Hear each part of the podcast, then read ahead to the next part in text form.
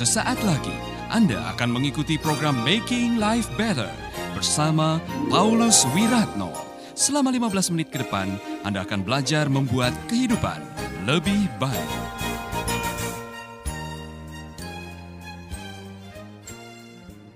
Hari ini saya mau mengajak saudara-saudara melanjutkan seri mengenai gaya hidup orang yang beriman. Saudara-saudara, salah satu gaya hidup orang beriman yang saya amati dari kehidupan Abraham adalah berani menanti. Orang yang beriman berani menunggu janji Tuhan. Orang yang beriman berani menunggu waktu Tuhan. Nah saudara-saudara, saya membacakan sebuah artikel yang dikirim kepada saya. Dan artikel ini adalah sebuah contoh betapa luar biasanya campur tangan Allah dalam kehidupan. Dan kalau kita bisa melakukan bagian kita selama menanti rencananya terlaksana, saudara akan melihat hal yang luar biasa. Saya bacakan ini artikelnya. Aku lahir hasil perkosaan pria terhadap ibuku yang bisu, tuli, dan miskin. Sehingga aku tidak mengenal lagi siapa ayahku. Suatu hari, sesosok pria perkosa ibuku hingga hamil. Lahirlah aku tanpa pernah kenal siapa ayahku. Karena menanggung malu, ibuku melahirkanku di kebun yang sepi tanpa bidan.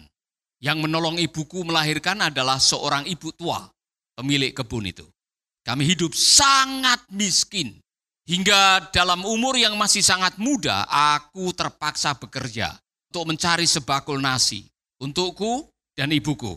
Karena saat itu ibuku sakit stroke. Aku bekerja sebagai buruh kasar di perkebunan kapas. Aku benci keadaan saat itu. Aku kecewa kepada Tuhan saat itu. Karena dia tidak adil atas hidupku. Di saat kebanyakan anak-anak menikmati hidup layak, aku harus bergumul dalam penderitaan. Sungguh, aku tidak paham mengapa aku dilahirkan dan tidak melihat kehidupan yang baik di masa depan. Teman-teman seusiaku sering mencemoohku. Mereka memanggilku, hei si anak haram. Dan mereka tidak mau berteman denganku. Suatu hari, aku bertemu dengan seorang pendeta. Beliau berkata kepadaku, Asi, namaku Asi. Tahukah kamu bahwa hidup ini adalah anugerah nak? Tuhan memberikan kamu kebebasan memilih. Mau tetap mengeluh seperti itu atau bangkit dari kemiskinan. Pilihan itu ada di tanganmu nak. Perlu kamu tahu rencana Tuhan atasmu bukan rencana kecelakaan, melainkan hari depan yang penuh harapan. Selama bisa memilih, pilihlah yang terbaik. Nadanya lirih, penuh makna. Kata-kata pendeta itu membangkitkan semangatku untuk berdiri tegak. Dan doa ibu membuatku kuat menghadapi tantangan hidup. Akhirnya aku pilih keluar dari rasa kecewa dan rasa marah yang tidak berguna ini. Singkat cerita, Aku mulai bekerja dengan giat dan membiayai sekolah dan kehidupan ibuku. Berkat doa ibuku serta kerja keras yang ulet, akhirnya Tuhan memberkatiku dengan melimpah dan meraih kesuksesan. Tahukah kamu siapakah aku? Aku adalah Asi Taylor Morton, Menteri Keuangan Amerika Serikat pada zaman Presiden Jimmy Carter. Luar biasa, saudara-saudara. Saya senang dengan kata akhir akhirnya. Semua punya akhirnya. Tapi mau akhir seperti apa? Anda harus memilih. Asi Taylor Morton harus memilih mau hidup dalam kepahitan, mau hidup dengan keluhan, mau hidup dengan ratapan, mau hidup dengan penyesalan, atau memilih untuk berjuang, melakukan yang terbaik, menerima kenyataan, mengharapkan yang terbaik, dan di dalam waktunya Tuhan, dia mendapatkan atau memasuki rencana Tuhan yang luar biasa. Saudara tidak pernah tahu bahwa Tuhan punya rancangan yang sangat baik buat Anda. Kadang-kadang rancangannya tidak disingkapkan seketika. Aku tahu rancanganku mengenai kamu. Yaitu rancangan yang penuh dengan harapan. Bukan uh, rancangan kecelakaan. Nah saudara-saudara Allah tahu rancangan. Tapi untuk sampai di dalam rancangan diperlukan skill untuk menunggu. Pelajaran dari Asi Taylor, saudara. Ini pelajarannya, dia kasih nasihat kepada kita. Jangan bandingkan diri Anda dengan orang lain. Namun lepaskan dan merdekakan diri Anda dari rasa iri, dengki, dan benci kepada orang lain. Kepada siapa pun. Dan apa pun sikap serta perilaku mereka pada Anda. Jangan pernah ada iri dengki. Ampuni orang yang membencimu, jangan mendam. Abaikan orang yang mencibirmu, buatlah itu jadi motivasi untuk maju besar. Siapa pun Anda, apa pun masalah Anda yang Anda hadapi, berdoalah, bangkitlah, berjuanglah dari keterpurukan. Never, never, never give up. Be winner in life. Saya pikir bagus sekali ini artikel. Amin. Saudara-saudara dalam hidup ini, kita semua tahu bahwa rancangan Tuhan adalah rancangan yang terbaik. Maka saya mau mengajak saudara-saudara belajar dari seorang hamba Tuhan yang saya pikir dia luar biasa juga. Oleh karena rancangan Tuhan buat dia begitu luar biasanya walaupun dia tidak tahu pada waktu Allah menyatakan segalanya. Dia belum tahu. Bahkan dia harus melakukan perjuangan 25 tahun untuk menanti penggenapan janji Tuhan dalam kehidupannya untuk lahirnya sebuah bangsa yang besar dia menanti 400 tahun. Tetapi apa yang dia lakukan adalah sebagai contoh bagaimana kita menanti waktu Tuhan. Anda masih bersama Paulus Wiratno di Making Life Better.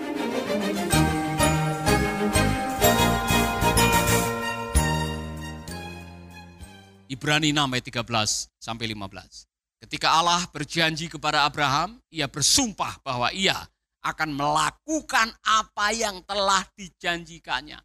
Dia sendiri bersumpah kepada dirinya. Dan karena tidak ada yang lebih tinggi daripada Allah, maka ia bersumpah atas namanya sendiri. Aku bersumpah demi diriku sendiri. Ia berkata, aku berjanji akan memberkati engkau dan membuat keturunanmu menjadi banyak.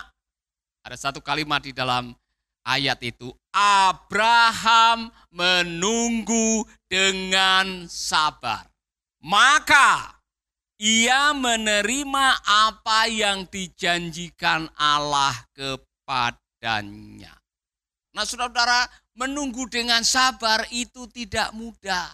Terutama kalau Anda sakit perut dan ada antrian panjang ke toilet. Pernah? Ya. Pernah saudara-saudara muter perutnya, kemudian di depan ada lima orang terpaksa saudara ke kebun. ada penantian yang menyenangkan, ada penantian yang tidak menyenangkan. Ada waktu menunggu yang menggairahkan, ada waktu menunggu yang menjengkelkan. Saudara, ada waktu menunggu yang kita tidak bisa bikin apa-apa. Maka Anda dalam hidup ini karena banyak daripada kehidupan kita adalah kita habiskan dalam penantian, maka kita harus punya skill untuk menanti dengan baik. Saya mau mengatakan kepada Anda, kalau kita mau jujur, sebagian besar hidup kita ini habis untuk menunggu. Untuk datang ke dunia saja, Anda harus menunggu 9 bulan 10 hari. Ya kan? Untuk bisa bicara, itu nunggu. Untuk bisa jalan, bisa nunggu satu tahun. Ya kan? Untuk bisa pacaran, itu nunggu. Untuk bisa menemukan pasangan hidup, saudara harus nunggu lagi. Untuk bisa tamat dari kuliah, harus nunggu. Untuk bisa menikmati kehidupan, menikmati gaji pertama, Anda harus nunggu. Saudara, untuk jadi tua, Anda harus nunggu. Karena saudara lahir tidak bisa langsung jadi tua. Untuk mati, harus nunggu. Jadi kalau mau kita jujur, sebagian besar hidup kita habis di dalam ruang tunggu, penantian. Tapi persoalannya adalah bagaimana kita bisa menunggu sehingga waktu kita menunggu ada gairah, saudara-saudara, ada semangat, dan kita tidak mengambil jalan pintas, maka skill pertama yang Anda harus miliki adalah skillnya Abraham. Abraham menunggu dengan sabar. Orang sabar katanya itu lebih perkasa daripada seorang pahlawan. Orang sabar dikasih oleh Tuhan. Orang sabar pada akhirnya akan dihargai dengan reward, dengan ganjaran. Amin. Iya Pak, tapi bagaimana menunggu 25 tahun? Saudara-saudara, belajar dari Abraham, ternyata sabar itu tidak gampang. Karena Abraham tidak sabar menantikan anak perjanjian. Dia mengambil jalan pintas, melakukan apa yang dilakukan oleh bangsa-bangsa saat itu. Oleh penduduk setempat saat itu yang tidak mendengar apa yang dia dengar dari Tuhan, dia mengambil jalan pintas karena budaya mengizinkan meniduri pembantunya. Yang itu menjadi persoalan di kemudian hari. Saya mau mengatakan kepada Anda, sabar menanti janji Tuhan itu tidak gampang. dibutuhkan kepercayaan. Jadi sabar saja tidak cukup. Sabarmu itu datang dari keyakinan bahwa Tuhan yang sudah berjanji walaupun harus menanti pasti akan menggenapi janjinya. Amin. Tadi pagi saya mendengar uh, hamba Tuhan mengkhotbahkan mengenai, mengenai menanti, nantikan Tuhan. Dan salah satu yang penting sekali untuk Anda menanti-nantikan Tuhan, Anda harus punya elemen yang namanya percaya, trust, faith. Sabar saja tidak cukup. Saudara harus melandasi kesabaran saudara kepada iman. Imanmu itu yang membuat Anda tidak akan melanggar kebenaran waktu menunggu. Amin. Saya mau mengatakan ini, saudara-saudara. Karena ketika Anda mempercayai orang yang Anda tunggu, Anda tidak akan meragukan orang itu dan tidak akan meragukan janjinya. Pernah menanti mau ketemu seseorang yang Anda percayai? Satu jam, dua jam, tiga jam, empat jam, ya kan? Saudara masih tetap menanti karena apa? Anda yakin dia pasti akan nongol. Dia bahkan menanti sambil nyanyi lima menit lagi. Dia pasti muncul lima menit lagi. Dia percaya dia akan nongol. Saudara-saudara, saya yakin ketika Anda meyakini orang yang Anda nanti, Anda mempercayainya karena janjinya ya dan amin, bukan pelin-pelan, bukan orang yang suka bikin janji kemudian lupa, atau ada orang yang bikin janji kemudian melanggar. Saudara, saudara pasti akan menanti dengan kepastian. Menanti dengan kepastian membuat Anda sabar. Amin. Jadi yang pertama sabar, yang kedua adalah trust, tetap percaya. Haleluya. Amin. Yakobus 5 ayat 7 sampai 8. Sebab itu, sabarlah saudara-saudaraku sampai Tuhan datang. Lihatlah bagaimana sabarnya seorang petani menunggu sampai tanahnya memberikan hasil yang berharga kepadanya. Dengan sabar, ia menunggu hujan musim gugur dan hujan musim bunga. Hendaklah kalian juga bersabar dan berbesar hati sebab hari kedatangan Tuhan sudah dekat. Belajarlah dari seorang petani. Apa yang dilakukan oleh petani? Sambil menanti dia melakukan sesuatu. Saudara-saudara, seorang petani tidak perlu harus membujuk tanamannya supaya cepat tumbuh. Segala sesuatu ada waktunya. Tapi kalau petani itu bijak, sambil menantikan musim panen, biasanya ada buruh musiman. Ada istilah buruh musiman. Setelah tanam, orang-orang petani itu melakukan yang lain. Ada yang kerja jadi tukang kayu, ada yang jadi tukang batu, ada yang uh, kerja yang lain apa? Karena sambil menunggu musim panen, dia melakukan sesuatu supaya tidak bete, supaya tidak akhirnya saudara melakukan hal-hal yang membuat Anda tidak sabar dalam penantian. Do something, dikatakan lakukan sesuatu. Dan saudara harus tetap berbesar hati.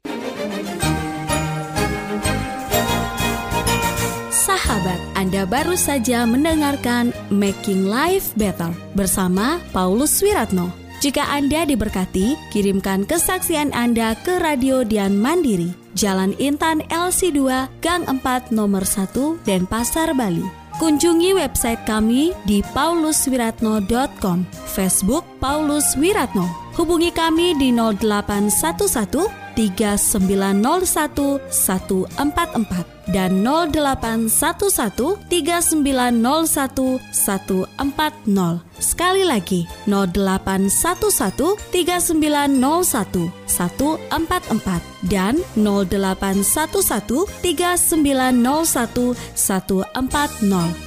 Anda juga bisa mendengarkan program Making Life Better ini melalui handphone Anda download aplikasinya di Play Store atau App Store. Sahabat, mari dukung program Making Life Better ini melalui rekening BCA 6690300525. Sekali lagi, rekening BCA 6690300525 atas nama Wiratno.